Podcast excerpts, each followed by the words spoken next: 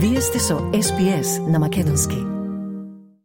Славните мијаци од минатото, познати по својот раскошен талент за мајсторство, копаничарство, резбарство и фрескосликарство, оставиле мојкна трага и кога се во прашање македонските народни носии. Впрочем, и до ден денес потомците на мијаците од Западна Македонија Секоја година за Петровден ги отвараат старите ковчежи оставени од нивните прабаби и баби.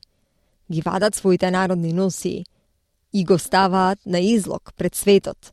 Македонското фолклорно богатство во целиот свој сјај и раскош за време на популарната галичка свадба. Етнологот магистар Наде Костадиновска Спасеновска од Музеот на Македонија во Скопје не води низ деталите на носиите од Дебарско поле Дебарски дримкол и мијаците.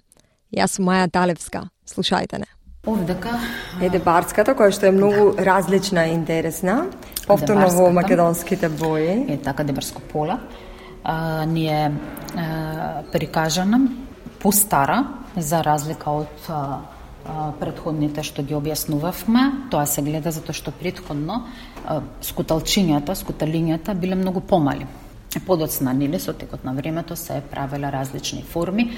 Овдека исто така можеме да ги забележиме тие реските, еве го коцелот од страната, овдека е портокалова боја и кошулата е со, со вес во портокалова боја, тоа е исто да, дарпна, овдека е целата со реси, се повторно да го покаже во кој период нели се наоѓа жената. Што заклучуваме според оваа носија, за кого е наменета? Ме за невеста, Така. целата се и боите портокаловата доминира. Портокаловата овдека да, портокаловата доминира со црвените нијанси. Но има два реда Пафтите? Пафти, два реда пафти. Овдека може би ние сме ги ставиле Така? А, така, не значи дека мора да има два реда пафти, претежно можело да се еден, носи и како два? Меѓутоа ги носат затоа што тука има и два колана. И во Така. горниот дел има уште еден колан. А, значи овдека се продолжуваме со Машката е многу а едноставна машката тука. е едноставна, да, еве гледате и кај а, а, момчето и кај возраст, а, возрастниот маж, меѓутоа сепак се различни според возраста, на пример, затоа што кај децата, кај кај момчињата прво биле само бели кошули, Така. Одот им се ставала на машките нели на капа за да се означи дека тоа е момче, меѓутоа целосно како целосна е, облека да речеме со со обликовните основните обликовни елементи они ги добиваат а, дури кога ќе подпораснат, на пример тогаш се рачунало како се што викаме пубертет од Да. порано, а на кај 10 а, 10 години Забележувам дека кај дет, дет, детето нема везови на кошулата, таа е сосема Тоа бела. се, се, се едноставни, везовите почнуваат дури подоцна во моминство и, и ергенство и нели се изголемуваат во на време за време на на свадбата, односно на е, е, зрело доба и подоцна кон староста се намалуваат.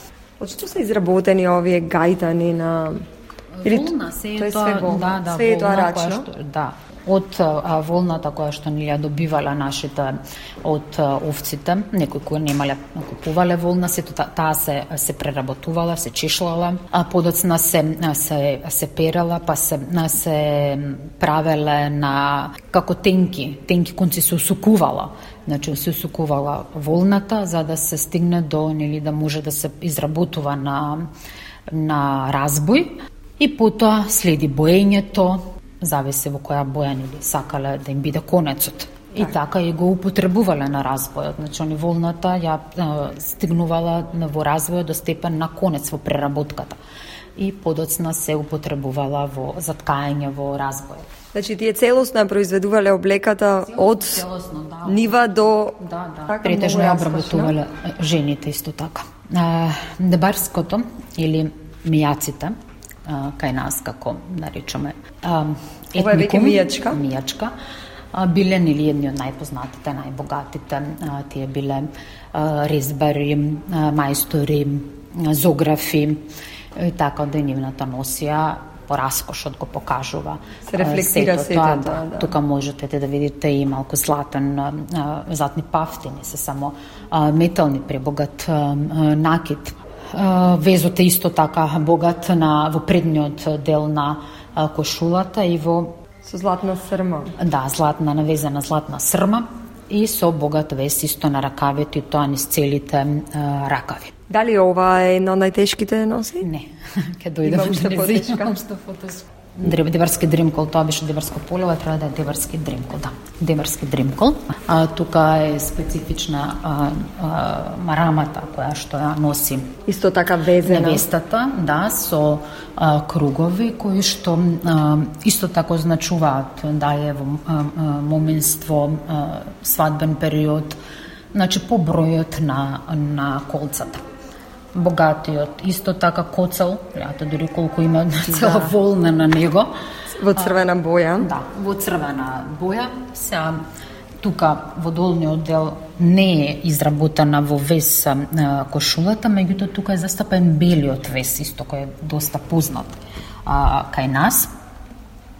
И таа е, е навестенска носија. И интересно е дека тука доминира розевата боја. А, да, тука има елементи на розеникави, малку и зелени. свежо, во- зелено, модерно, да. да. Да. Во основата е црвената, меѓутоа сите тие се, да речеме, нијанси на, Да, на црвена, која Да, што ги, да. ги воделе како такви. Ајде, тука можете да ги видите тие наушниците, еве како се заденати, исто така си има и реликвијар, значи Ова е доста раскошно, ова е наменето за мажи, така? Да, таа е за мажи, целата е со вес. Кошула? а, не, а, илек со ракави. Саја, и ракавите можат и да се извадат, и те се, се додаваат. Целата е со срмен, срмен вес и чоја. Значи, еве како Така. плиш, нели тоа што му доаѓа е чојата.